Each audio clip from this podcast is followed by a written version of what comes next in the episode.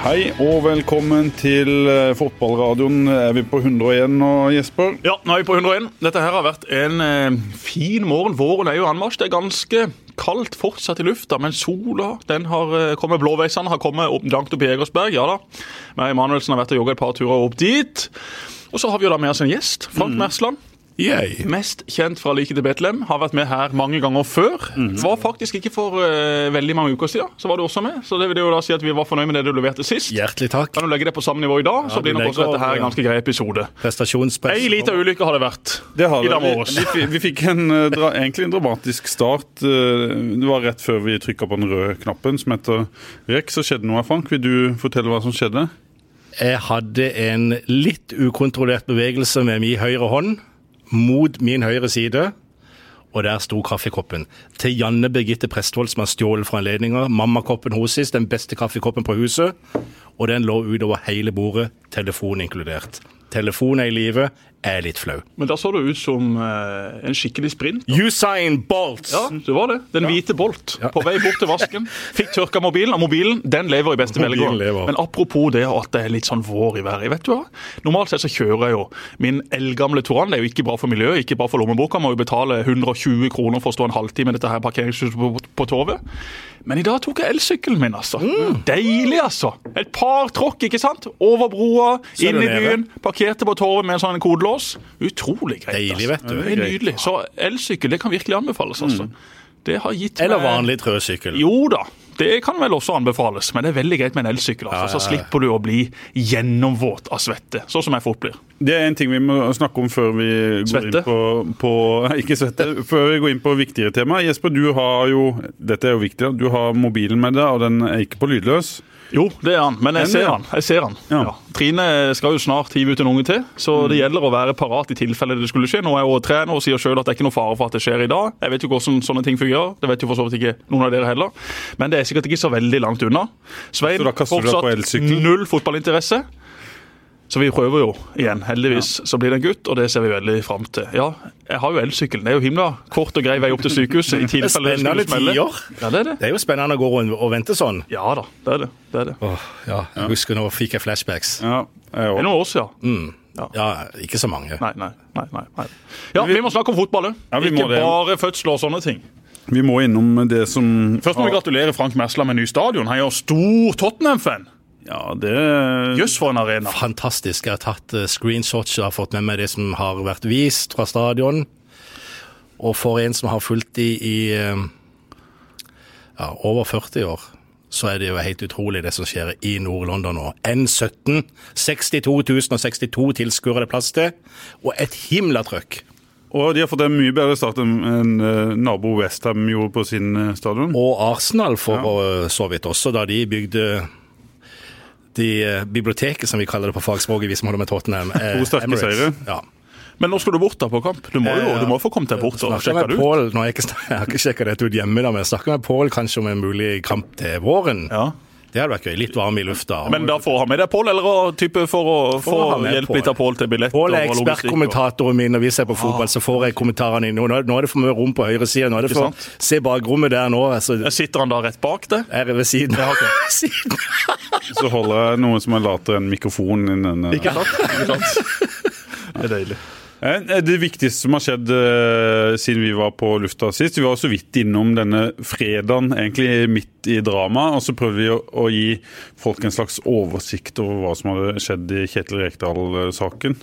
Men så var det kanskje fra fredagen og de neste dagene dramatikken eh, utspilte seg, Jesper. Ja, du, du satt vel og, så, og, og sa vel noe sånn som at du, hvis Rekdal eh, leder Start i, i morgen, så spik, spiser jeg mikrofonen. Ja. Vi har ikke med noen eh, spiselig mikrofon til deg. Nei, men det må vi få tak i. Ja. Jeg skal stå inne for det. Hvis vi finner en iskrem eller noe fra Henning Olsen som er forma som en mikrofon, så skal jeg spise den rett ned. Men jøss, for et sirkus, altså. Jeg hadde ikke sett for meg det der i min villeste fantasi. Jeg hadde gledet meg til å gå på kamp på lørdag, men etter hvert som lørdagen skled fram, så ble jeg egentlig bare trist og lei meg. På klubbens vegne, på Kjetils vegne. Her var det kun tapere. Så jeg valgte da å bare bli hjemme, se han på TV og følge deres livesending da.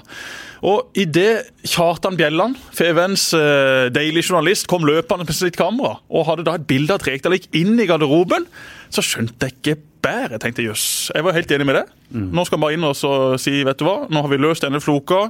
Eh, begge sider beklager at det ble som det ble, men uten å, feie det der gamle laget mitt Ålesund av banen. Gi meg det som en siste hilsen her nede på Sørlandet. Men så eh, fikk jeg tak i min gode venn Kristoffer Langeland og så spurte jeg er det løsning. Nei, det var ikke løsning. Rekdal skulle ned og lede laget hadde han bestemt seg for. Og det var jo helt vilt, altså. Han kommer ut, står der, gir sine direktiver underveis i kampen. Det ble tap, dessverre for Start, dessverre for Kjetil. Bra for Ålesund, men det var, altså, eh, det var jo ingen i verden som kunne skrevet det manuskriptet. Mer vilt enn det faktisk ble. altså. Uvirkelig. Det Totalt Det uvirkelig. er jo skrevet side opp og side ned om det òg. Jeg, jeg var i Oslo eh, disse dagene, fredag og lørdag, og bare fulgte det via, via PC-en. Og det var, jo, helt det var jo helt absurd. Det, jeg vet, det dekker. Kan du, si noe om, eh, kan du si noe om interessen og klikkene på, på dette? Ja, det, det kan jeg jo eh, gjerne gjøre for de som er interessert i det. Det er sikkert noen som er interessert i det. Jeg kan vel si så mye som at vi vel aldri har hatt lignende tall, verken på noen TV-sendinger eller på tekstsaker eller på abosalg, som vi hadde disse dagene da dette sto eh, på. Vi hadde vel, eh, hvis vi inkluderer VG, da, en 300 000 seere vel på, på, som har vært innom oss, eller i hvert fall eh, eh, klikktall på, på videoene, og folk som faktisk har vært inne i, videoene. Og vi har vel ja, sikkert en halv million eh, sidevisninger, så er, det har vært ganske sånn massivt for en eh, relativt eh, liten avis som, som Fedrelandsvennen dette. Så, og så er jo ikke det rart, for det er jo som det er jo tre sier. ting. Det er jo tre ting. Det sier Ja. meg at eh, ja, der er interesse for Start. Ja, Kjetil Rekdal avler interesse. Men ingenting slår et drama Nei. på direkten. Det gjør ikke det. Og så valgte vi eh, fra denne fredagen da Rekdal sendte ut pressemelding om at, eh, at han kom til å lede laget, så gikk vi egentlig live fra det tidspunktet. og Det var en veldig smart, greie. Men det skal du ha. greie. Jeg syns eh, Du og Steffen Stenersen og Jim Rune Bjorvann, og selvfølgelig alle de da som vi ikke har sett noe til, men som har vært med og bidratt, det var en god jobb, altså. Ja, vi jobber, hardt. Men det er jo det vi må gjøre. Når det smeller, så må Ja, vi men det er det som er gøy i denne bransjen. Da må familie være familie. Ja. Turer får være turer. Altså, Kirkekaffe får være kirkekaffe. Frank Mersland. Da må du komme deg på jobb, altså. Sånn er det. Så Sånn det er jo gøy. Ja, ja. Det, det, Må jo aldri oppleve det igjen. det, det får en aldri oppleve Nei, det tviler jeg på. Nei, Det kommer ikke til å. Skal aldri si aldri, vet du. Men det Hadde dette vært i Bolivia eller Colombia, så hadde vi sluttet å snakke om det i dag. Ja, Hvor sykt det hadde vært. Mm. Og det skjedde på Mm. Sparebanken Sør Arena. Helt, eh, helt riktig. Du, hva tror du spillerne tenkte da Rekdal kom inn i, i garderoben? Eller hvordan tror du det prega de? Det så ut til å prege dem. For Jeg syns ikke kampen mot Ålesund var fantastisk god. Jeg syns de så litt sånn tomme ut. At de var Også i intervjuene. Erlend Segberg fikk eh, mye ros for intervjuet sitt før kampen, men du så jo At han var prega? ja, du så på han at han var prega, at dette var en situasjon som eh, de egentlig hadde mista litt energi av. Og det kan jeg for så vidt forstå, når du har hatt Andreas Jensen og Joey Hardasson og Atle Rå Haaland som liksom har gitt sine direktiver, tatt ut laget, bygd opp til kampen de to siste dagene, og plutselig så kommer selveste Kjetil Rekdal tilbake igjen i garderoben. Og i mellomtida så er det jo faktisk eh, et par spillere, ikke fra Norge, men fra andre land, som har liksom delt at Rekdal har fått fyken da, på Facebook, som da er et tydelig signal på at her er det en fyr, en trener som ikke vi har likt. Nå er vi glad for at han har reist. Så Det sitter jo en del av de spillerne der også. Kjetil vet jo hvem disse gutta er. Man har jo det på følelsen. Så for en del av de spillerne, kanskje ikke for de som var i startoppstillinga, men for en del av de andre, så var nok dette her veldig veldig rart. Og eh, det sørga jo for at eh, Start ikke fremsto sånn som jeg håpte de hadde gjort hjemme mot en opprykksrival. Så, øh, det, det føles jo nesten som det var i går, dette, Frank. Men Start har faktisk Det har gått en hel uke, og så har de spilt en ny, ny kamp. Dere skjønner hva jeg mener. Og da var det jo øh, bedre. Resultatmessig. Ja, resultatmessig. Og den første omgangen var jo, øh, var jo OK, da. Men det har ikke vært veldig sånn oppløftende, det som har skjedd i de to første kampene, hvis en ser totalen. Nei, det var i hvert fall viktig å få seg en seier mot eh, Koffa. Koffa er jo et lag som Start skal slå, men samtidig så er det et lag som vil ta mye poeng på hjemmebane. Sortevik eh, han vet vi hva kan stelle an mot bedre lag. Fredheim Holm var jo skada, heldigvis. Men eh, det å få med seg tre poeng der, det var nå greit. Andre omganger var svak. Da kunne man fort ha missa både ett og to og tre poeng. Men mm. jeg syns de kom greit fra det. Damien Love tilbake ser at han er den beste spilleren i hele Obos-ligaen når han mm. bare er frisk og når han bare gidder. Og så må det strammes opp litt. Kanskje får vi se en ny formasjon mot Raufoss på søndag. Jeg håper det når Mathias Andersen kommer inn i trenerteamet. Lukter 4-3-3, Jesper? Ja, jeg tror jo det. Jeg håper det. Jeg har ikke ja. vært og sett på noen trening eller snakka med noen av de som faktisk bestemmer dette, men iallfall i mitt hue så er det på tide å få lagt om, for jeg syns ikke det der mannskapet passer til den formasjonen de spiller akkurat nå. Det syns jeg også du ser med KFM. Man blir veldig baktung med, med veldig mange spillere. Det er ikke noe vits. altså. De stopperne som spiller i Start, og de uh, bekkene man har, de klarer seg fint én mot én eller uh, to mot én, eller hva det måtte være. Men Har du vinger til å spille 4-3-3? Kanskje ikke sånne typiske 4-3-3-vinger, men du kan spille med Kasper Skånes, Aron Sigurdarsson, Tobias. altså Du har masse forskjellige ferdigheter der. og Både Skånes og Sigurdarsson fikk jo vise seg godt fram sist. og Det er jo to spillere som ikke har vært Kjetil Rekdals største favoritter. Mm. og Det er det vel heller ingen som sånn sett er, er, i tvil om. og De er jo sånn som kan få en, en ny vår når, når, når nye sjefer er på plass. Vi har jo snakka om det, kanskje også type spillere de er litt avhengig av om de skal rykke opp? Absolutt. De har kreativitet, eh, de har eh, X-faktor. Det trengs mot en del lag i Obos-ligaen som kommer til å ligge veldig veldig dypt. F.eks. Mm. Raufoss på søndag. Men trenerspørsmålet, Frank. Nei, men, men, men, men, vi må bare ta med oss okay. det at eh, å vinne, tross alt. Du ja. har jo vært med og spilt kamper på på, på, på, på nye baner, hvor det, det, ligner noe på Obos-omgivelsene. De gir gjerne for å ta hvert poeng de kan i den divisjonen. Så kommer Start allikevel tilbake med tre poeng, og da må en vel si det at uh, tross alt godkjent, en forventer de skal gjøre jobben, og de gjør det. Og det er vel et uh, mer enn godt tegn uh, så tidlig i sesongen. Ja, etter det bråket som har vært. Tre poeng var det eneste som ja. telte. Og i og med at Sandefjord og Ålesund nå står med seks poeng, nå møtes jo de to lagene til helga. Det vil si at Start med seier mot Raufoss kan knappe inn på det forspranget til de to som jeg tror de kommer til å kjempe med hele veien inn. Så ja, selvfølgelig. Det viktigste var å vinne, og også da med tanke på at det nye trenerteamet har jo ikke hatt veldig lang tid. De gjorde ikke noen endringer formasjonsmessig, ikke veldig mye sånn laguttaksmessig heller.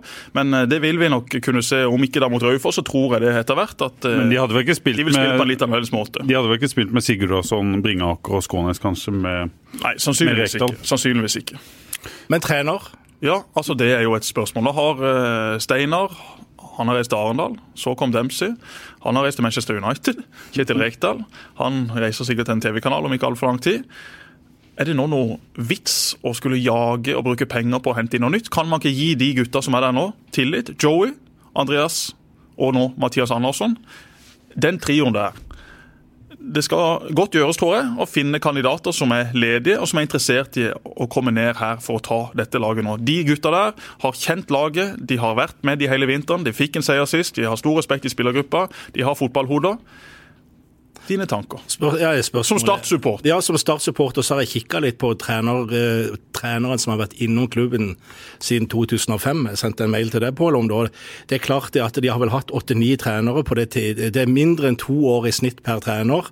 Det er eh, i det store bildet ingen kontinuitet. Eh, eh, Nei, De mest stabile periodene i Det er Mjelde. Det er Mjelde og Tørum. Ja, og Tørum. De, det var de som var her eh, lengst. Ja, og, og, du kan si om Mjelde har vel egentlig vært den som har holdt eh, klubben lengst oppe i eh, Eliteserien. Men det er, det, er, det er veldig lite kontinuitet i det som har skjedd i den klubben. Og det mener jeg kanskje eh, i det overordna perspektivet er et stort problem for Start. Og Hvis de nå velger å holde på folk som kjenner klubben fra før av, Mathias kommer tilbake nå, har vært i klubben en god stund før, og, og, og, tør å satse på de som er der, og de leverer tilfredsstillende resultater, så kan det kanskje være en liten øyeåpner for de som driver og leder klubben og eier klubben. At det er ikke nødvendigvis navnet vi er ute etter, men folk som kan og vil og har kunnskap til klubben. Og så tenker jeg i forlengelsen av dette det er et tegn på noe som handler om kultur. Eh, det som har skjedd også på trenersida. Det har jo også vært store utskiftinger med hensyn til eiere og organisering av fotballklubben. Så må det kanskje være, hvis du er litt på etterskudd i toppfotballen i Norge, da, at en driver og, og, og, peser etter for å på en måte etablere seg i det gode selskap. Men eh, det er klart at det tror jeg er noe av det som har tæra på supporterne, som gjør at jeg kjenner mindre eh, eierskap til Start enn jeg gjorde for ti år siden. Det må jeg bare si. Ja. Og det synes jeg er et Tror du ikke det er mange som har det sånn? Alvorlig talt så tror jeg det er, eh, jeg tror det er noe av det som Og det du sa i stad, ja, Det ligger en latent interesse der. Men basert på det som har skjedd det siste året, de siste årene, så er det mange som på mange måter har fått Start litt mer på Ja, og ikke, ikke bare på banen, men det som har skjedd i klubben òg. Og, det, og det, det er klart at du vil jo gjerne være stolt av laget ditt. Og jeg, jeg husker 2005. Jeg, jeg husker høsten der veldig godt. Eh, For da satt jeg og jobba på Torvet, her er Fedrelandsvennens redaksjoner rett over på andre sida av gata. Og kirkeklokka begynte å spille startsangen, og du kunne formelig se at folk retta seg i ryggen og var stolt av det som skjedde, og de hadde punch i lag, og det var lokale folk som spilte der, og, og, og de hadde troa. Det er klart det at jeg tenker en fotballklubb eh, er ingen liten Den er ikke en lite viktig brikke i et eh, samfunn. Som, som Kristiansand. Har du sagt Sunderland til I die? Sett litt an. De ber i kirka om at det må gå bra for søndag denne sesongen. Og du ser, og, og, og, det, det har, altså, Jeg skal ikke sammenligne, men bare sånn Ja, men Det er jo de samme det er de samme mekanismene, tenker jeg. Og det en så i 2005, har en ikke sett siden. En har fått en ny, flott arena i, i stedet for i, i Kristiansand stadion, som er selvfølgelig den som romantikeren er, likte veldig godt. Eh, Men det har ikke fulgt på på det sport, og det har ikke fulgt på på organisasjon, som de burde og kunne og kanskje skulle ha gjort eh, hvis de skulle eh, fått folk til å føle tilknytning til klubben. Så det mangler noe der. Jeg tror han finnes, jeg tror han er latent, følelsen fra publikum til, til klubben, men jeg tror det må jobbes ekstremt bra der. Eller, eller så kan det skje det samme som eh, det? Nei, ja, det kan egentlig det. For dette er en liten fotballklubb. Det kan snu ekstremt fort i, i fotball. Se hvor Start var i 2003, og hvor de var i, i 2005. Jeg snakka med Lars Martin Engedal om dette her, her forleden. Det var liksom et bunnpunkt. Var det Lars Martin Engedal, Lars Martin Engedal. Men det var jo et De to eh, 2003 så begynte vel klubben å, å løfte seg, men eh, havna hvor? I, Midt på tabellen i, I første divisjon? De var, de Norge- var nede på niendeplass. Ja. Niendeplass i og halvannet år senere så, så var det jo kjempa om, Om seriemesterskap. om eh, seriemesterskap i Eliteserien. Så det er jo i en liten organisasjon og i en fotballklubb så er det så lite som skal til før snøballen begynner å rulle også riktig vei. Den kan rulle feil vei, sånn som den har gjort nå lenge, og da blir alt en gjør på en måte galt fordi de sportslige resultatene er gale. Selv om kanskje avgjørelsen i seg sjøl er vanskelig å si det var feil eller det var elendig, ikke sant? men alt blir på en måte galt fordi du kommer inn i en ond spiral. Men hvis de får den til å rulle andre veien, så kan det gå fort eh, den veien òg, tror jeg, med det utgangspunktet de har nå. Men det som skjedde i 2004 og 2005 er jo ekstraordinært. Det skal jo ekstremt mye til om det skal skje igjen. Selvfølgelig. Det var en- og det var en mann som hadde fort jo, jo, jo. Jo da, jeg er helt enig. Men det var en mann som hadde hovedfortjenesten i 4-5. Han er Skeid nå. Og den jobben Tom gjorde, var ja, helt enorm. Det var nok ikke alle som var på det laget eller i den garderoben som forsto det da, men sånn sett i ettertid. Og når man da har hatt en del trenere de siste årene, så tenker man jøss, han der var i en egen klasse på veldig mange ting. Og så er jo eh, Tom Tom. Han eh, har jo vært i, i mange forskjellige klubber nå, og nå imponerer han i, i Shade igjen. Men det han fikk ut av det mannskapet, det er jo bare å ta seg alt det man har for. For ingen av de spillerne var jo i nærheten av det nivået igjen. Hvis du går gjennom den spillerstallen og det laget og ser på hvor gode de var, og hvor de ble av etterpå, så er det jo en del av de som røyk med skader. for det var alt for mye Atle, trening Atle Roar Haaland er den eneste som på en måte som var Gikk der. ut, gikk ut og gjorde bare- noe etterpå, ja. ja. Mm. Ja, han, han gikk videre etterpå, men var han på et høyere nivå enn han var i start? Det Han var i hvert fall i, nær, i nærheten av og spille på et var- Men, men det er noe der Han altså, trente jo ikke med Tom, han spilte bare kamp. ja. Det gjorde han vel i Danmark. han bevarte beina.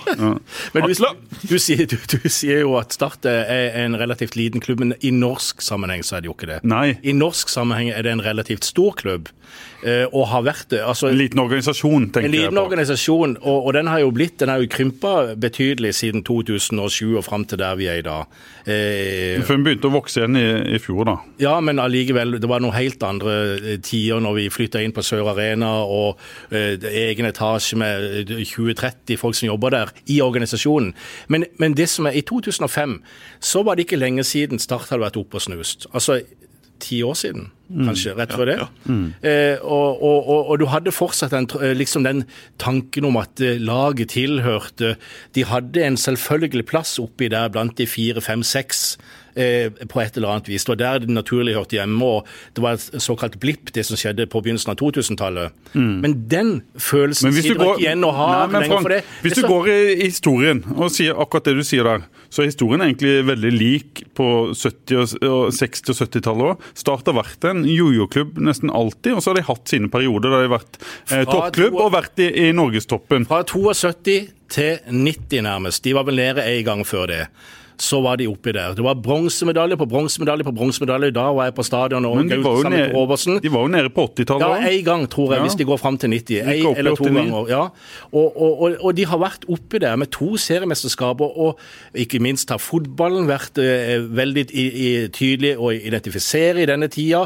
De hadde feinschmecker, de hadde navn, de hadde alt. Og så fikk de en dupp, og så, kom de, så, så hadde de et godt lag under Brede Kistein på 90-tallet, må du huske. Et fantastisk lag. Men så tok det bare noen år, så rykka de ned igjen. og, så, og så forsvant det, og du kan si det var penger involvert, og minus på budsjett, og vi måtte selge, og eh, 96, når, Teddy Teddy overtok laget, ikke sant. Det var eh, vanvittig mange gode spillere der, men de klarte ikke å få det til sammen. Og, og, de spillerne som forsvant ut fra det laget, Steinar som gikk til Borussia Dortmund og, og, og går hen der og blir faktisk eh, Champions, Champions League-mester. Eh, eh, som går fra det laget, og andre som forsvant ut. Myggen var vel også ute på et, eh, i hvert fall et låneopphold. Kjetil Rudfold Pedersen, Indre Mongolia. Ja, ja, ja, men- ta Pedersens Jo, slekt ja, etter hvert her. Det må vi ta etterpå. Ja, vi, men, men alvorlig talt, eh, vi er en annen plass nå enn vi var i 2005. Og det er det jeg tenker, det kommer til å koste Start en stor innsats å bygge opp igjen det der. eh, Det er bra du sa innsats og ikke penger nå, da. Ja, jeg tenker innsats. Jeg tenker, de, jeg tenker klubben kanskje kan bli enda mer klar over å se på Klubben har jo aldri hatt eller brukt så mye penger som Nei. man har gjort de siste Nei, nei. halvannet to Og det har ikke funka. Nei, og det viser jo bare hva som må til for at du skal få en fotballklubb opp og stå. Du Mm. må ha penger. Det er i alle fall, Du må ikke, men det er iallfall en kjempeviktig forutsetning, stort sett, da, er for å få lag opp i toppen. Det er ikke sportslig det jeg sier nå, men det, har, det handler om litt av det jeg tenker på. Nå er Erlend Segberg etter kampen mot Koffa i Oslo. eh, Ser på Twitter vår tidligere kollega Lars Martin Gims med sønnen sin Odin har vært på kamp der inne. De bor nede i Ås og har vært oppe og sett på Start. og Han er en die supporter. Så kommer altså Erlend ut fra banen og er hen og tar en selfie med dem. Ja. En bitte liten ting, men noe som bygger. Altså, Dette er et, lid, er et mikroeksempel på hva kanskje Start burde være, i mine øyne, flinkere til å gjøre.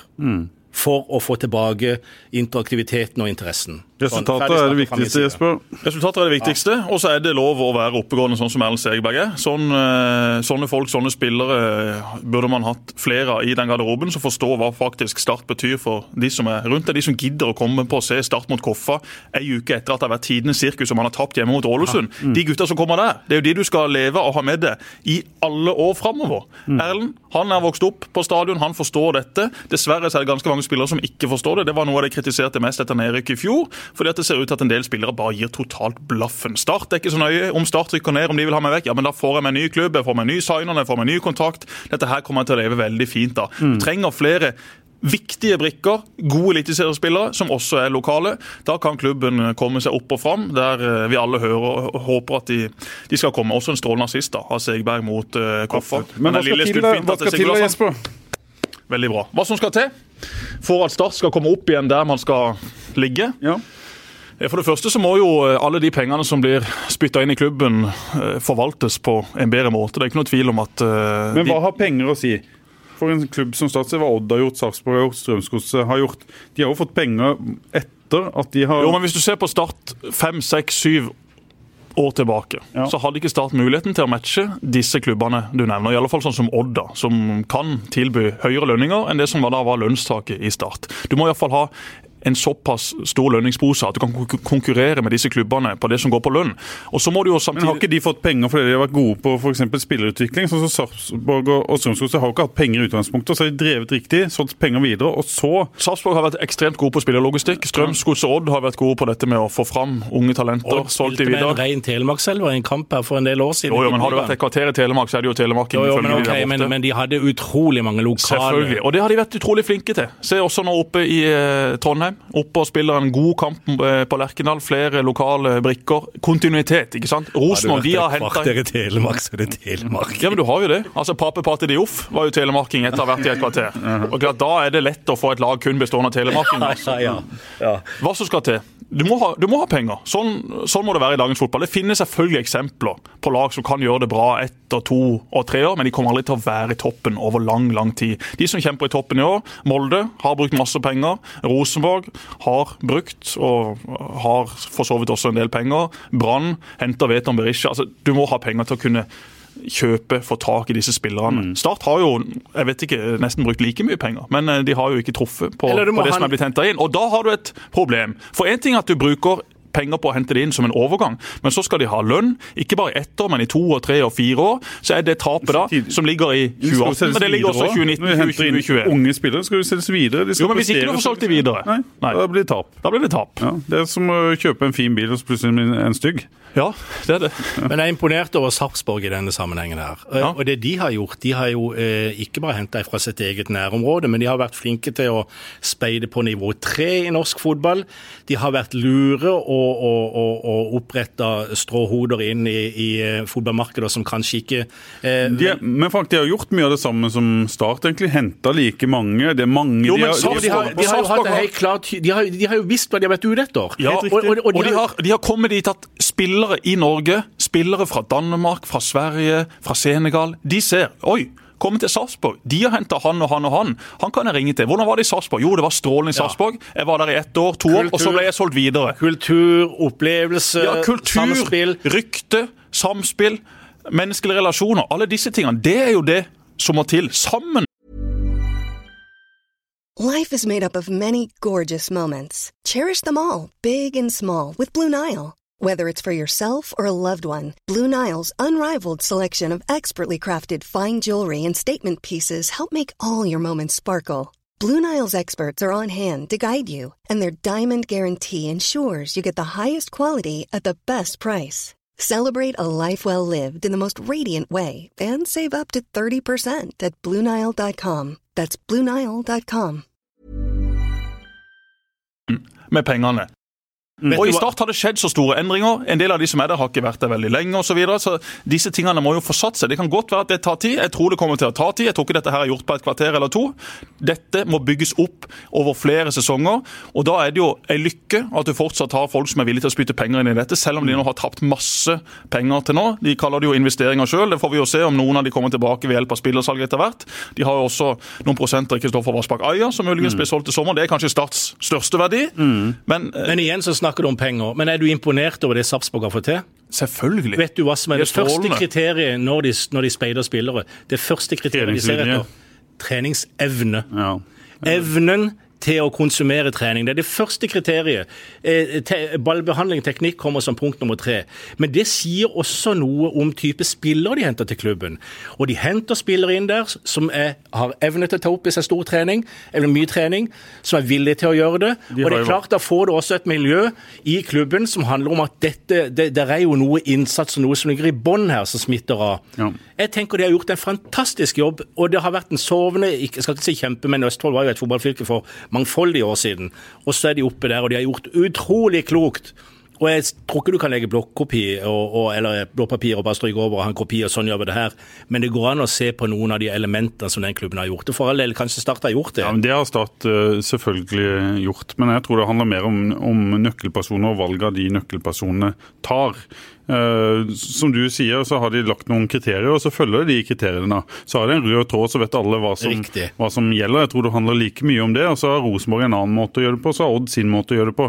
Det har jeg vært innom og jeg har skrevet om det. Start må finne sin måte å, å gjøre det på. Så er det helt riktig som Jesper sier, du kan ikke tenke at dette snur over natta. Det er noe du må tenke at du må bruke tid på. Så må du bygge en kultur.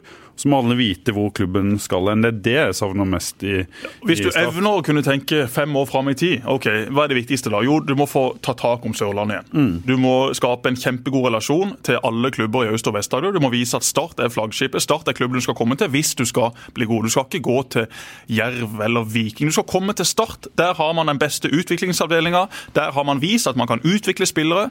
selge de videre, gi de muligheten i Eliteserien. Det er jo der Start må komme. Start må være noe Men de kommer dit? Det er jo det som er poenget. De må jo være mye mer konkrete og, og jo, si at sånn sier, gjør vi det. Altså, ja, helt enig. Men i utviklingsavdelinga nå så er jo det som i mine øyne har vært mest positivt etter at de nye eierne kom inn. Der har de fått tak i nøkkelpersoner som har en stor standing der ute, mm. som har masse fotballisse. Jeg traff Erik Mykla med sitt gutter 16-lag på Flesland på søndag. De gutta der, tenk all den erfaringa Erik kan lære de mm. på pasninger, touch, orientering. Altså Det er jo ingen andre i Norge som kan være en bedre læremester. Og så har sikkert Erik sine mangler. Så må man jo da finne folk som har de andre tingene sammen med han. Ole Martin Aas står også inne der og bidrar. Altså Disse folka her, Atle Roar Haaland, Fredrik Strømstad. Det å ha de rundt unge spillere, mm. det er jo kanon. Det er også stas når disse da reiser rundt. Men så er det jo samtidig sånn at en del av disse unge spillerne som nå er 6, 7, 8, 9, de aner jo ikke hvem vi er. Erik eller Ole eller eh, mm. meg for så vidt selv, om jeg står litt på TV. De eh, står jo egentlig der litt med blanke ark, men ok, men da må du sjarmere foreldrene da, og bare mm. vise at hei, kom til Start. Der har vi den skolen. Vi har det opplegget, mm. vi har det rigget. Her får de utdanne seg som mennesker, som spillere, de får seg en utdannelse. Og Vårt mål er at de skal bli såpass gode at de skal bidra til å være toppspillere i Eliteserien for Start, og så skal de vippes ut av landet om det er det de vil. Ja. Men det har jo ikke vært Start de siste årene. Mange spillere har forsvunnet til andre klubber. Mange spillere har kommet til Start og er dødsfornøyde med å få en kontrakt på 2500 mm. kroner og gå med treningstesten på skolen og tenker jøss, nå var jeg i mål. Men det er jo da jobben begynner. Mm. Og så har Start i alle år sagt at vi driver godt i utviklingsavdelinga, eh, det er top notch, bla, bla, bla. Og så har vi sagt eh, OK, vis oss uh, Hvorfor mener dere det? De har hatt masse landslagsspillere, og så har de hatt ingen landslagsspillere. Men det har ikke kommet opp uh, folk. Men Jesper, vi har jo vært innom det tidligere i år. Jeg har i hvert fall litt troa på nå nå kommer det noen eh, spennende typer her. Ja, vi håper jo det.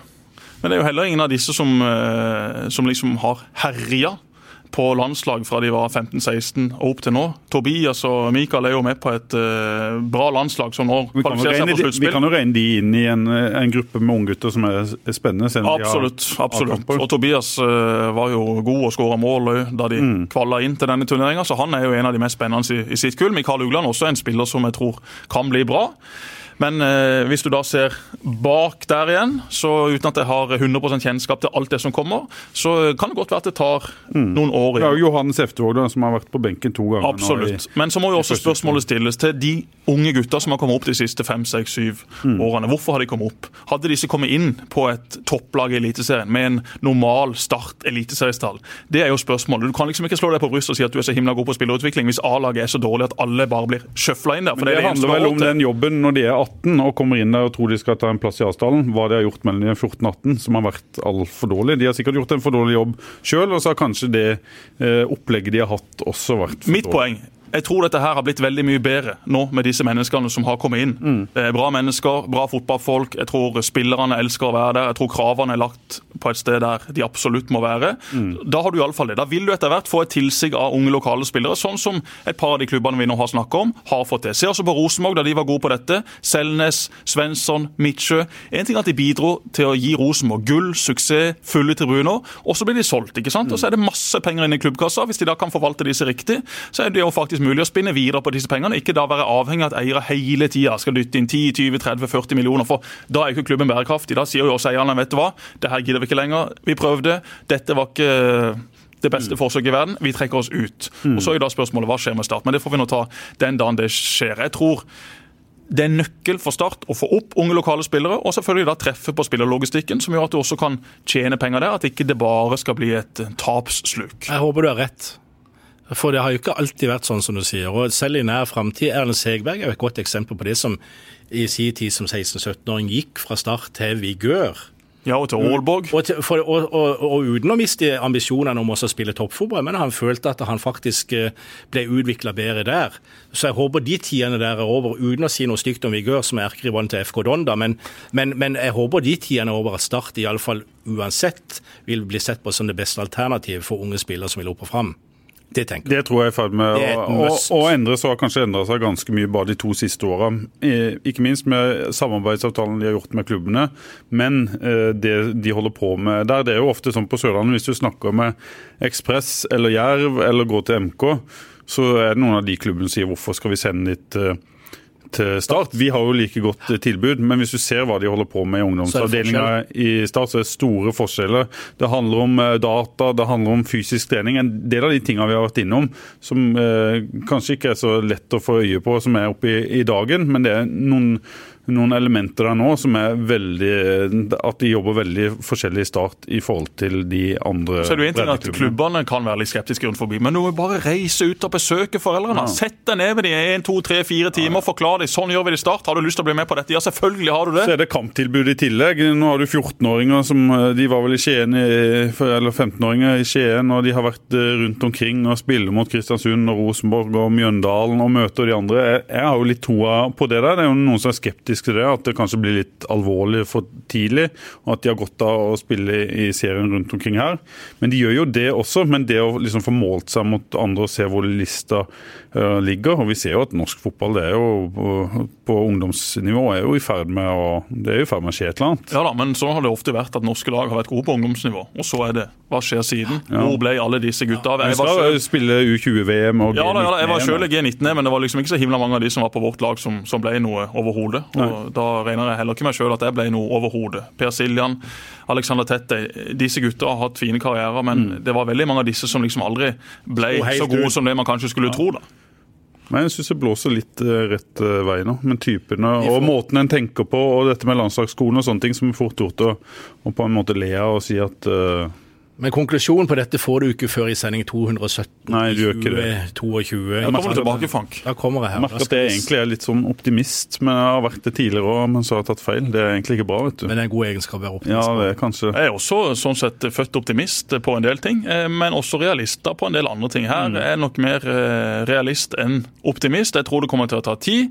Jeg tror en del av de folkene som nå er i viktige posisjoner i klubben er veldig, veldig bra, men klubben har fortsatt en lang vei å gå for mange ting. Du tenkte på livet videre? Ja, livet videre og norsk eh, fotball har jeg mer tro på nå enn eh, jeg har hatt på lang tid. Ja, det er hyggelig å høre. Da kan jeg være pessimisten, da. Så er vi en av hver her. Du har vært i Argentina. Ja, La oss ikke gå der. Fortell om de store låra på Nei, det har vi glemt. Jeg visste det kom opp. Ja, for de har vi nei, om nei, nei, nei. Har vi ikke det? Jo. Men, kan vi ikke heller snakke om VAR? Skal vi snakke om VAR? VAR er gøy. Syns du det? Ja, på sett og vis så gjør jeg det. Ja.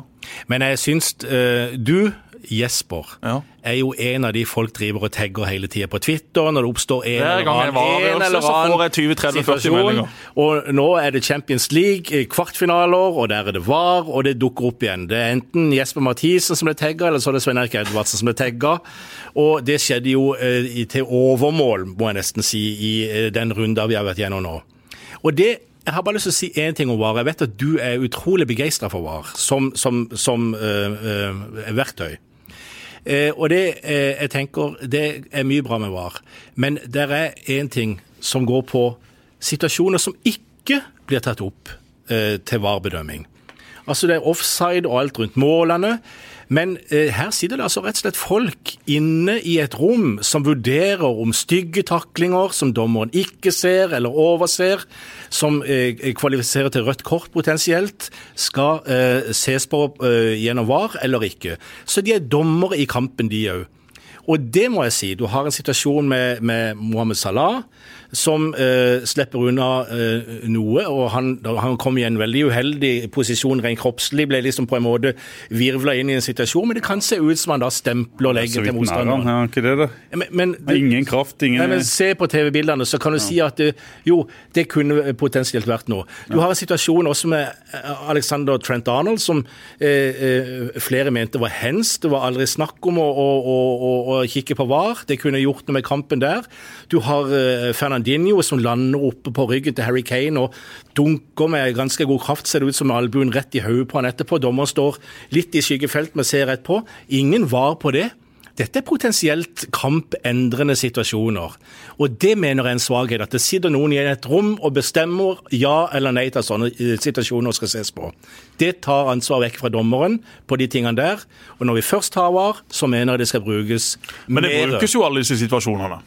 Det blir jo sett på. Det blir jo vurdert. Ja, det blir Også... vurdert av en som ikke er dommeren på banen. Nei da, men det er jo ikke en rørlegger og en elektriker som sitter inne i denne bua. Det er jo også blant verdens beste dommere der. Så, så du gir jo de bedre forutsetninger for å treffe. Det er jo hele mitt poeng. Det er jo ikke sånn at hvis Volkswagen får beskjed om at OK, de 1000 siste ulykkene, så er det 15 av de som har dødd pga. sikkerhetsbeltet. OK, fint, men tar vi vekk sikkerhetsbeltet da, så dør det 1000 av 1000. Ja, det er greit. Det vil jo alltid skje feil. Det vil alltid meg- være ting som ikke kan bli perfekt. For meg så virker dette random. Jo, det kan jeg godt forstå i enkelte kamper. Men i de aller fleste kampene så syns jeg det fungerer veldig veldig bra. Og så kommer det noen hiccups, som det vil gjøre med nye systemer. Og den nevnte kampen her, som du er innom, ja, der var det en del ting. Og det var det også da i, i Liverpool sin kamp.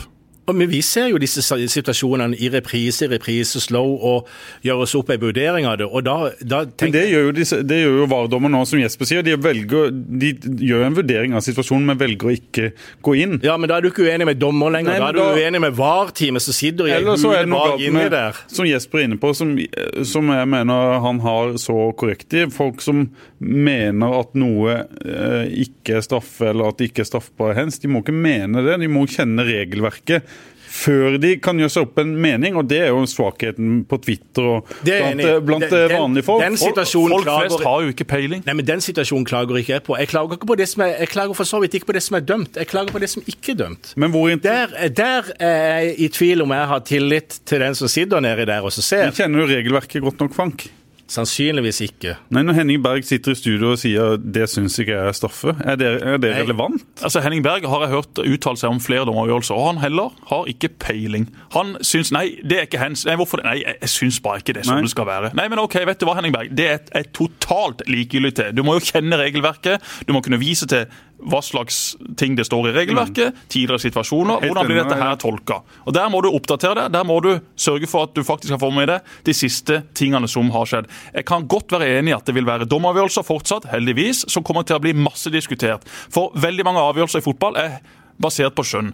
De tingene som er sort-hvitt, der fungerer selvfølgelig video ypperlig. Der er det nødt til å komme inn, og det har også kommet inn. Så vil det være masse situasjoner som du kan ha 100 dommere. 70 mener det, 30 mener det. Men det som igjen er mitt poeng, du vil gi dommerne bedre forutsetninger til å treffe på flere store avgjørelser. Du vil unngå kjempestore blemmer. United-Barcelona i går. Barcelona skåra et mål. Jeg tror ikke han hadde vippa det flagget i været hvis ikke han da typisk ville sjekka det for hva. Han var usikker. Han var usikker, han, men det hadde jo eh, blitt sjekka uansett. så han- Han hadde egentlig ikke noen grunn til å hive det i været, for mål skal jo sjekkes. Men der har du én situasjon. Det går så fort for assistentdommerne nå. Fotballen den går raskere fordi at spillerne er bedre. Det slås sikkert hardere til ballen. Ballen er lagd for å gå raskere, og det er vanskeligere for assistentdommer. En del av de som dømmer også, er jo ikke godt nok trent. Se bare i Premier League. Et par av de ser ut som de har vært på puben de ti siste årene. De veier 10-15-20 kilo for mye, og da er det ekstremt vanskelig å henge med på topptrente atleter. Dommerne trenger hjelp, og når de da får den hjelpa via VAR, så unngår du sannsynligvis i langt høyere grad de store blemmene. Det at en Champions League-finale skal bli avgjort på en offside, som egentlig er da en halvmeter eller en meter, onside, offside, altså det er jo bare trist, syns jeg. Jeg syns ikke det er sjarmerende. Jeg kan også forstå men- men- men- at VAR VAR har en vei å gå, basert på de som sitter på stadion. Der må de også få en skjerm, de må få en forklaring. De må vite hva som skjer ute på banen. Hvis ikke så blir den opplevelsen som tilskuer ikke veldig bra. Jeg merker også at eh, i og med at VAR er innført, så har jeg mye større forventninger til hva som tas tak i og ikke tas tak i. Og det er kanskje i forhold til det forventningsnivået. Du spør om jeg kan regelverket godt nok. Nei, sannsynligvis ikke. Men jeg kan se hva som skjer når jeg ser en situasjon i sakte film for tredje og fjerde gang. Og forventningene til at ting skal tas fatt i, er større hos meg nå enn han var for fem år siden. Jeg er helt enig. og vet du hva vi skulle fått med VAR? Vi skulle fått eh, dialogen mellom dommeren og de som sitter i VAR-rommet. Ja. Da hadde vi fått mye større respekt for det. Vi hadde skjønt hva de diskuterte. Vi har sett noen diskusjoner. da eh, Fifa har vel eh, lekt noe for en kamp, som er utrolig interessante diskusjoner. Så en kamp En også fra Australia. Ja, en offside med en spiller som sto helt ut på, på hjørne, hjørneflagget, som, som ballen kom ut av igjen etter en corner. Hvor han kommer egentlig fra, fra bak mål, slår han inn, og så skårer de, og så er det ingen som ser at det er offside. Men så er det faktisk spilleren som slår inn. Ja, det er også et sånn et idiotargument. Ja, men det var jo ingen av spillerne som protesterte. Nei. Å nei. OK. Og så hører vi Så hvis du kjører ned en ser- ung i Dronningens, og ingen protesterte, så er det bare å kjøre videre? Det var ingen som skjønte den avgjørelsen. Nei, nei. Det er jo ikke offside. Hvorfor, hvorfor eh, annullerer de dette målet? Og så la de ut diskusjonen mellom VAR-rommet og dommerne i etterkant. Og så legger du merke til den Og det vil helt sikkert komme. detaljen. Det vil helt sikkert komme. og, og vet du hva det gjør?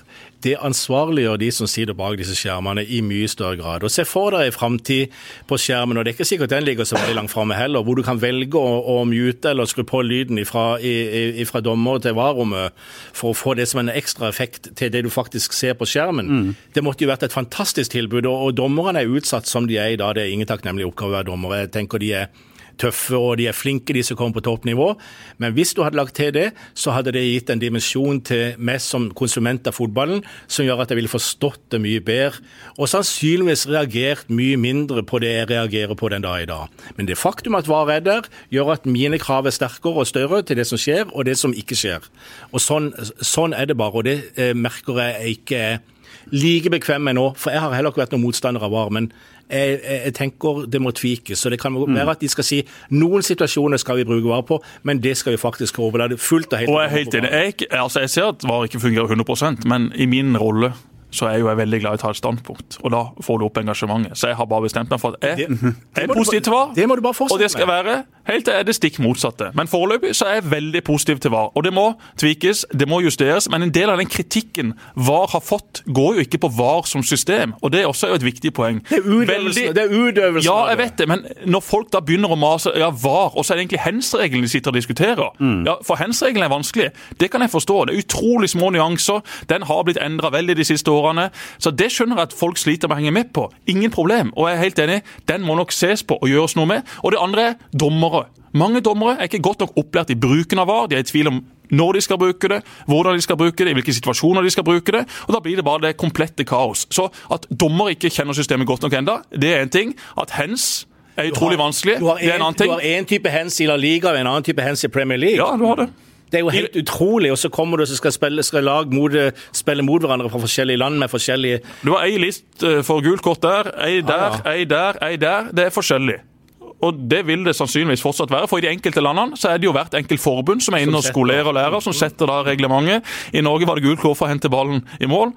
Det var jo Guds lykke at ikke det ble tatt videre ut i Europa, men det er jo sånne nyanseforskjeller over hele fjøla. Men vi må ikke kritisere VAR for at en regel er vanskelig å forstå, eller at en dommer ikke vet hvordan han bruker systemet. Du må gjerne eh, kritisere det for at ok, du syns det tok litt lang tid der, her syns du det var rotete. Det vil helt sikkert bli bedre etter hvert, men at en del regler i fotballen, som også offside, denne her straffen som Harry Kane fikk, som veldig mange mente at han ikke burde fått. Jeg mente det var korrekt og hadde en god del aktive dommere med meg, eller kunne aktive dommere med meg. Eh, det er jo sånne utrolig vanskelige situasjoner som på mange måter er umulig å dømme riktig der og da. Men når dommeren får sett reprise, ja, men da treffer de sannsynligvis bedre. Og det må jo være det viktigste. Mm. Nå får vi det i Norge. Det er vel et spørsmål om økonomi. Mm. Jeg vil tro at uh, hvis dette her nå blir rulla ut for fullt, som det ser ut til at det blir, så uh, om tre, fire, fem år at det også vil komme i Norge. Jeg så noe veldig eh, spesielt her for noen uker siden. Jeg ser jo litt nederlandsk fotball, særlig når Martin Ødegaard er i aksjon. Det syns jeg er spennende. Der har de jo VAR. Men problemet i Nederland er jo at de har jo ikke kameraproduksjonen i f.eks. Champions League eller Premier League. De har ofte bare ett kamera. Mm. Og, så skal, og, så skjer det kontroversielle episoder om ballen er ute eller ikke, og så har de liksom et kamera som står midt på mål, og så har de ikke og så uh, har de ikke Dårlig kvalitet på verktøyet? Ja, de har gjort noen avgjørelser i Nederland som er egentlig helt bak mål, fordi de ikke har uh, kameraene tilgjengelig. Da. Så det er jo veldig spennende om med norsk uh, fotball og den TV-produksjonen vi har her. Vi har jo noen kamper der det er mange kameraer, men da må du jo investere mye i, i kamerautstyr og, og, sånne ting som, som vil koste enormt med penger. Vel? Ja. Jeg tipper det er det neste som vil tvinge seg fram. Som det tvang seg fram ei Eh, opprustning av norske anlegg for en 15 eh, år siden fra Fotballforbundets side. Alt det der mediasone, alt skulle være sånn og sånn, og det kosta millioner for klubbene. Mm. Dette tipper jeg er den neste store opprustninga av norsk fotball som kommer. Og, og, jeg må si dere, der er jo en idrett som har hatt var i mangfoldige år. Ishockey. ishockey. Og der, eh, der, er det mer eller mindre satt. Og Frank er jo hockeykeeper, for de som ikke vet det. Nei, jeg, er keeper, nei. Jeg er storskårer. Er du det? Nei, men jeg, I mitt eget hode. Men det skal vi si, det er jo der. Eh, der har du jo eh, flere situasjoner som, er, som det brukes var på, da. Det er, det er om keeper blir hindra. Om, om, pucken, om, om kølla er for høyt når de styrer den i mål osv. Skøytesparker du den i mål. Og så begynte de med noen år siden for også å bruke eh, VAR ved mulig offside i hockey. Og det, er, det går altså lynfort. Eh, 13 ganger fortere enn eh, en fotballspiller beveger seg. Mm. Og, og, og, og, da kan de faktisk risikere å komme inn i den såkalte offensive sona, spille rundt og holde på der i et minutt. Skøyter du 13 ganger fortere enn en Nei, det vet jeg ikke. Det var et tall. Men de kommer inn i den offensive sona, og så spiller de der i et minutt. Så spiller de et minutt før de skårer. De er inne i offensiv sone og spiller et minutt før de skårer. Mm. Og så driver manageren på, eller coachen da, på, på benken og ser på. Nei, vi vil gjerne, ha, vi vil gjerne bruke De har én sjanse, ja. treneren har én sjanse i løpet av kamp til å overvurdere dommerens avgjørelse, for de mener de har sett en offside ett minutt før målet kommer. Mm. Og da får de det enten underkjent målet, eller så blir det mål fordi det var ikke offside. Og da, må de ha, eh, da får de en to minutter utvisning fordi at de har brukt det feil. Ja, det er en challenge det, som de har i tennis. Ja. Mm. Der har hver spiller uh, tre per sett, så kan du utfordre da om ballen var inne eller ute. Ja, men tennis de... er det jo sort-hvitt, men det kan også brukes i fotball. helt enig. det samme gjøres i NFL. De kan hive et eller annet i været, ja, og så sjekkes, eh, så sjekkes avgjørelsen. Men de får straff hvis de bommer på, på utfordringer. Ja. Og det tenker jeg, Da er det litt sånn et lite sverd over hodet ditt når du gjør det. Du gjør det ikke bare for å gjøre det. Og Det kan godt være at en skal se på de som har holdt på med dette tidligere, og så se om vi kan utvikle det i en litt annen retning, som gjør at det blir enda bedre VAR-system i fotball. Ja, det også har det jo vært litt, litt underholdende at benken hadde hatt to muligheter i løpet av ja, ja, ja, ja. til, å kunne, til å kunne utfordre. Ja, jeg, men jeg er helt enig, Det har jeg foreslått uh, tidlig i denne prosessen, men det ser ikke ut til at det har vært så, så, veldig aktuelt. Men det kan fort være at det kommer dit etter hvert, at man da har x antall ting hvor hva brukes på sånn som i dag, og så har du da andre ting som du kan faktisk utfordre. Utfordrer du feil, så må du ha en spiller på benken i ti minutter og spille med ti mann. Ikke sant. Mm. Vinner Tottenham Champions League, Frank? Jepp. Tror du det? Selvfølgelig. Gjør jo ikke det. Jeg har, jeg skal si, Min masterplan er kort. Jeg har et veddemål med vår sjef Pål, som er Arsenal-supporter, om hvem som havner øverst på tabellen. Ja.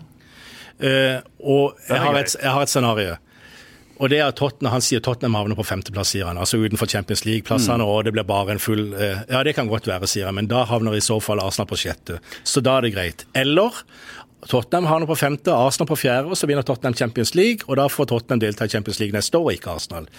Den siste er jo den beste. Ja, det, skjer det, altså? Det skjedde, det skjedde med Chelsea. når de Får ikke engelsk, engelsk lag et ekstralag hvis Tottenham vinner, og så får Arsenal å spille kvalik? Nei. Nå, Peiling. Nei, ikke Dette reglementet kan virke, altså. Jeg tror faktisk at de da spiller med fire, og så vinner kanskje Chelsea uh, Europaligaen, og så blir det fem allikevel. Og, Arsenal blir da det sjette laget som ikke får spille noe annet enn Europacup. Er Solskjær-effekten over, Jesper? Det ser sånn ut.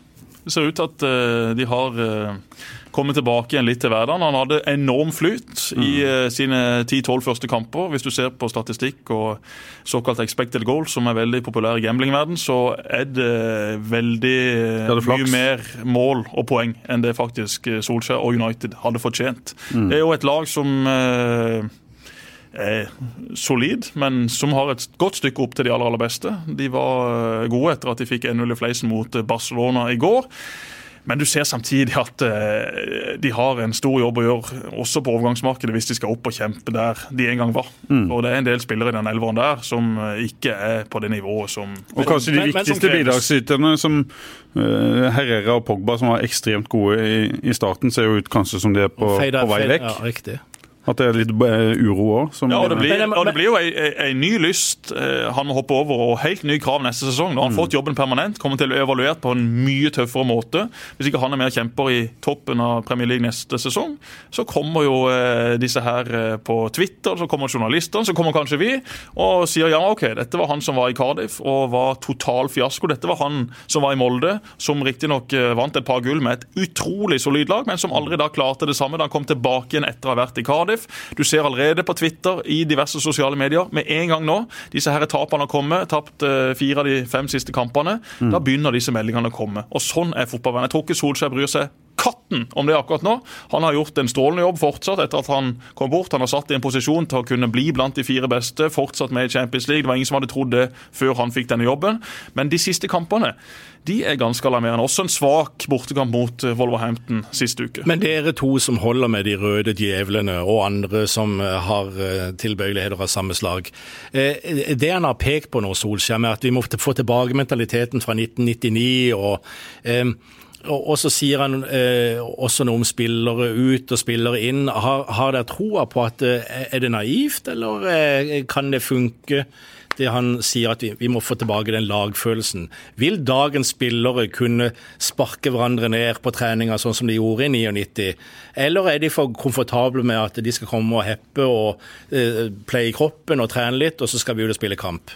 Jeg synes jo Det er noe av det som har vært mest positivt sett med United-øyne, er jo at eh, de virker å få tilbake igjen denne lagfølelsen, klubbfølelsen. At de er stolte over å være en del av den gjengen. Under Mourinho så var det veldig mye én og én. Det var sikkert diverse grupperinger som likte han, diverse grupperinger som hatet han. altså Det var en splittelse i garderoben du kan jo si mye om Solskjær og hans eh, resultater som trener, men at han er en eh, kar som kan samle den garderoben, som har en stor standing basert på at han har hatt mange eh, holdt på å si, unge spillere i United før som andrelagstrener, har et kjempeforhold til Førgesen. Det er mange ting der som taler for at han faktisk har den nødvendige respekten. Mm. Men han også, som vi snakka om i stad, med Starts tilfelle, det er resultater som trumfer alt. Mm. Vinner du 10-11 kamper, ja, men da kan det jo være hvem pokker du vil. Mm. Men begynner du nå å tape én kamp til, én kamp til, én kamp til, mm. så kommer supporterne, så kommer mediene, så blir det et par uttalelser som blir vridd om i pressen, og så ser det ut til at han har fått de og de mot seg.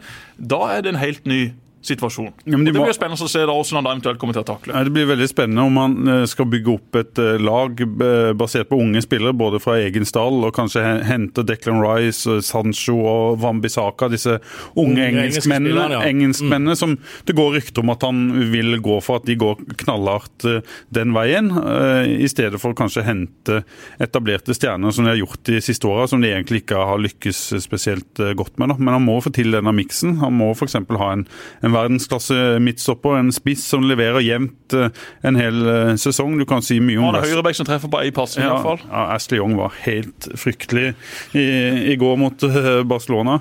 Men ja, må jo, han må bygge opp en kvalitet som Får han tid til å gjøre det? Ja, Det er jo spørsmålet, da. Ja, det tror jeg han kommer til. Tåler de å havne ut forbi Champions League eh, ved slutten Hvis han har et ungt, spennende lag inn i neste sesong Ja, han tåler fint det i, år, tåler ja. han jo det. Men neste år må de være med igjen? Ja, da er jeg enig med Jesper. Da må de være med. De må i hvert fall vise at de har noe på gang. At det er utvikling. At uh, de klarer å løfte unge spillere helt opp i, i verdenstoppen, uh, sånn som de gjorde under, under Føgesen. Vi har vært innom mye gøy da, altså. Vi har det. Busby Babes. Er det noe mer vi må snakke om? Fergusons Class of 92. Ja, de, de The Sunny Boys. De får vi ta en annen gang. Ja. Ja, Raufoss. Raufoss på søndag for Start sin del. Altså. Ga vi egentlig Start noen fasiten på hvordan Start skal komme tilbake der de var? Vi, vi må ha en sånn kjapp oppsummering av det òg. Ja. Riktige personer i eh, nøkkelroller i klubben. Ja. Der er det en del ting som er bra, og så er det fortsatt en del eh, ting som sikkert må, må gjøres der. Det å favne om Sørlandet, sjarmere Sørlandet, for unge gutter, for foreldrene de sine, inn på arenaen, få vist dem her er dette opplegget. Det er den skolen vi går på. KKG forresten. En aldeles nydelig skole. Samboeren jobber der, er ute i permisjoner, men allikevel veldig strålende skole. Eh, Vegard Witzøe eh, Frode Fredriksen, Marius Guldra Johnsen, Alf Erik Svela. Altså, det er et A-lag! av både mennesker lærere, og ikke minst av fotballfolk.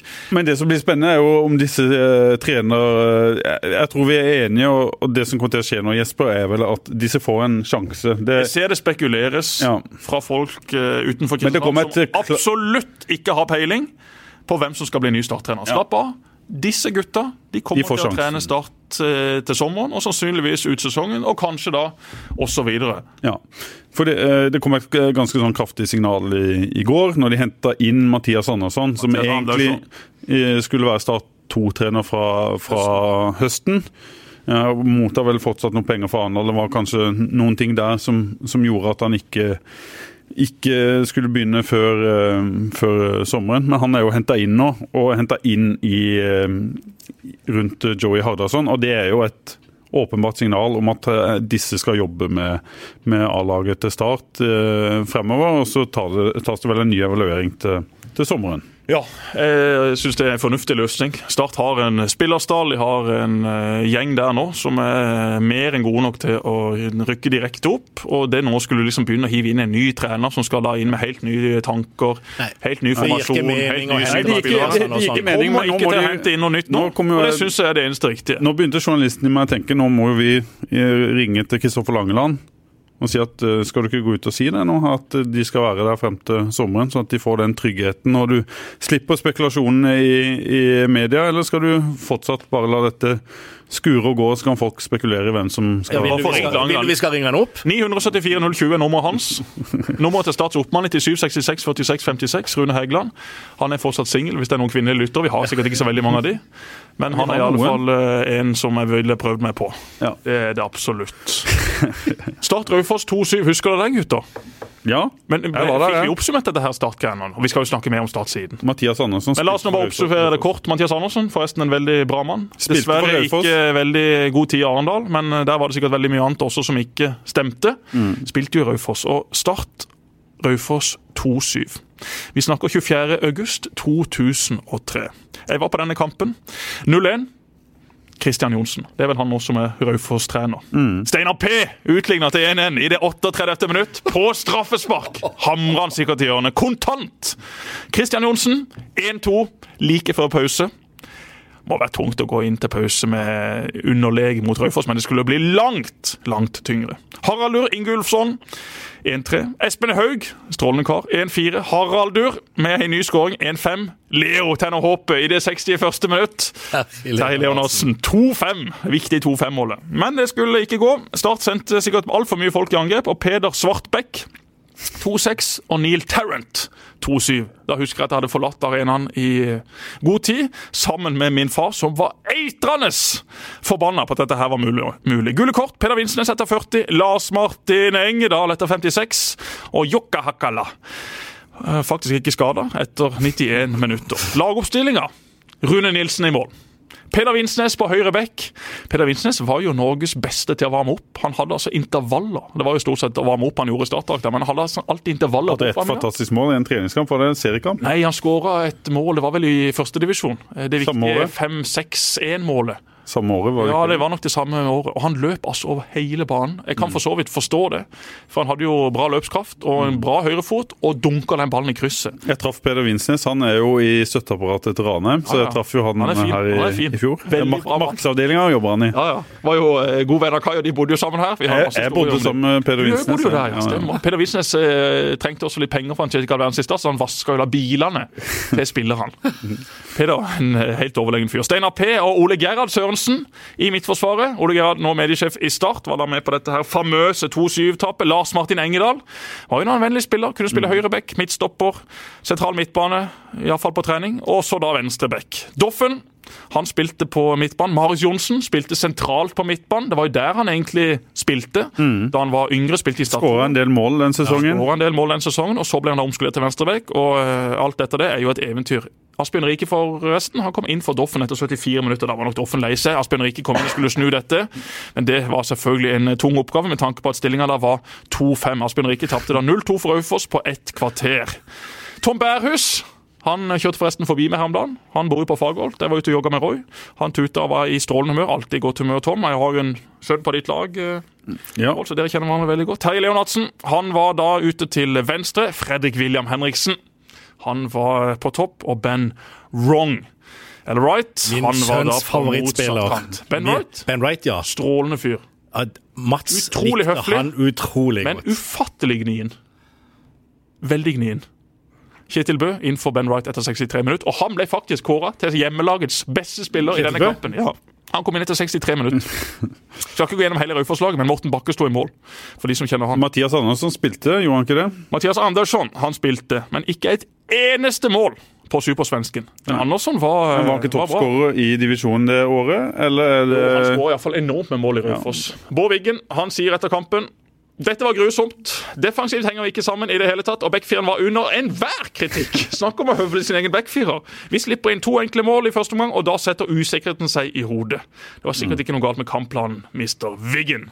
Du hadde da ja, både 17-, 18- og 19 19-åringer vel i den uh, startoppstillinga. Seks-sju av de var med og tok Og når du eh, så stiller med guttelag, så kan du ikke tape 2-7 for Raufoss. Men seks-sju av de som de leste opp der, var med og tok sølv eh, to, to år senere. Ikke sant? Så det er håp. Selv med 2-5, 2-6, 2-7 på søndag, Frank.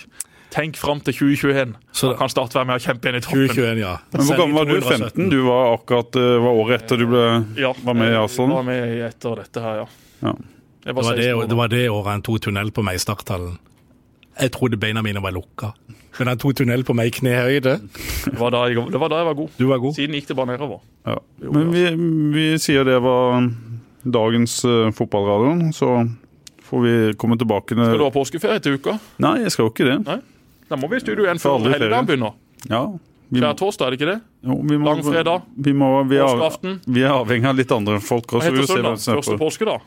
Første, første påskesøndag, er det ikke det? Første påskesøndag og andre, andre påskemandag. Og da er, det jo, da er det jo ny runde, er det ikke det? Jo, Sandnes Uff uh, borte. Har du noen sånne tradisjoner du i påska, Frank? Vi har, I og Med eh, At du var en uh, viktig bidragsyter i Vi liker til Betlehem i sin tid. det, vi har vært på fjellet med en tidligere startspiller eh, de siste årene, faktisk. Hvem da? John Ole Hegeland. John Ole Hegeland. Han hadde tre kamper før han ble skada. Oh, ja. Det er mange av de. Det er mange av de. Var det mange etter? Nei, Nei. Han ble, eh, han ble godt ødelagt da. Hvem er, hvem er den beste spilleren som liksom fikk to-tre kamper og aldri slo igjennom? Det må være en annen kamerat av meg. Petter Gramvik. Petter Gramvik? Petter Gramvik var kjemperask. Ikke verdens beste med ballen, men mer enn god nok. Og hadde altså et fantastisk steg, men ble skada. Du har jo, en, du har jo innom en her, Kjetil Bø. Kjetil Bø. Det er mange av de. Ja, det er veldig mange av de. Det er mange mange av de. Kjetil Bø òg, ja. Ja, ja. Kjempegod. Det er sikkert noen enda bedre som ikke vi kommer på. Ja, ja. Du, bare kjapt før vi avslutter. Du skrev en flott sak i avisa deres om eh, spillere som hadde noen sånne morsomme historier. Du var med Eller i Ja, som de hadde møtt på liksom banen, ja. De største de Ja, hadde møtt ja. som fotballspillere. Det var Frank the Tank. Jeg, det var jeg hører jeg har glemt en. Jeg hører, hvem, Ja, Hvorfor spurte du ikke Jesper? nei, nei, nei. Ja, ja, det var ja. ikke det som var mitt poeng. Ja, ja. Overhodet ikke. Jeg Nei. har jo ikke spilt med noen store, bare en haug med morsomme mennesker. ja. Du har spilt mot noen store vel på Ja ungdomslaget? ja da. Ja. Hvem da? Men det var eh, Nei, eh, spilte mot et fransk lag der som var en, eh, en solid gjeng som vi ble rundspilt av. Men jeg har ikke, altså, det var ikke det som var mitt poeng. Nei, hva var Jeg hadde jo ikke noen karriere, men jeg hadde hatt det da, hvis knærne mine hadde fungert. Men det gjorde de ikke. Også hvis noen som hører på dette. Ja, dette er et seriøst spørsmål. Hvordan jeg skal få fotballinteressen inn i huet til Svein, altså. Det er helt natta. Hvor gammel er han? Tre år. Det er bare fekting og sabeltann. Men, Det kommer når han er sju. Syv! Ja. Da er det for seint. Nei. Jo, jo. Nei. Da er det altfor seint. Vi må i gang. Fetteren til Svein, Bernt. Nils Petter Andersen sin sønn. Tidligere Fløy-spiller, nå assistenttrener i Fløy. Han har altså et skuddbein som er helt ute av en annen verden. Han har så god pendel, så godt treffpunkt. Går og spretter ballen, hamrer ballen rundt på løkka. Dette er da fetteren til Svein. Litt yngre. Så spørs om ikke jeg bare må ta han til meg som da eventuelt en fotballagent i framtida. Så jeg iallfall får litt sånn eierskap til han også. denne gjøre- men det viktigste du kan gjøre, Jesper, lov å spille fotball inne. Det er lov. Ja. Det er lov. Det, det tror jeg er Det må du ikke lure på. Men han fekter istedenfor. Fekter. Alt av gipsvegger nå ødelagt. Må inn igjen nå, sparkle male opp. Det er sverdslag og hull i alt det som er av vegger. Renoverte huset i ett år. Vår, Nå må vi i gang igjen. Vår yngste var jo kaptein Sabeltann da han var liten. Og vet var du han gjorde, vet du hva han gjorde for noe? Han gikk med kosteskaft, og vi hadde sånn der eh, sånn, sånn dekk, du, seildug i taket på den tida. Og så var kosten så høy at uh, hiv ohoi, og da gikk kosten opp, og så var det merke i taket med. Jeg skjelte ut Svein her om dagen på Instagram fordi han ikke ville spille fotball. Hvem fulgte meg dagen etter? Terje Formoe. Så nå må jeg være litt forsiktig. Ja. Men eh, det jeg bare skulle si, Frank, den saken du skrev om da disse største kristiansanderne som har spilt med kule mennesker, møtt kule mennesker, kan du liksom gi oss det feteste fra den artikkelen? Ja, jeg syns jo egentlig eh, det gøyeste var jo eh, Wesley Snyder, som Fredrik hadde spilt mot og som lukta så ufattelig parfyme på banen. Eh, eh, ikke bare én gang, men to ganger i tett duell, så Fredrik han lurte på om han skulle rett på byen etterpå. Men eh, den beste funfacten er jo egentlig Ole Martin Orst, syns jeg. Ja. Som da spiller i Belgia og spiller mot Sporting i Portugal i treningskamp. Og de hadde, klubbene hadde et eh, slags samarbeid, eller iallfall Ja. var gode venner. Han kunne jo reist dit en gang. Og han kunne reist dit og blitt lagkamerat med Cristiano Ronaldo. Det syns jeg er litt kult. Og jeg lurer på hvem som hadde blitt spiss av de to. Det Cristiano ute til venstre, Ja. ute til høyre, Åst inn i midten, Ja. på bakerste Det stolpe. hadde blitt en dødelig duo. inn mål. Ja, vanvittig. I Portugal. Ja, sterkt. Sterkt. Vi sier det var alt for i dag. Takk. Vær så god. Hoi.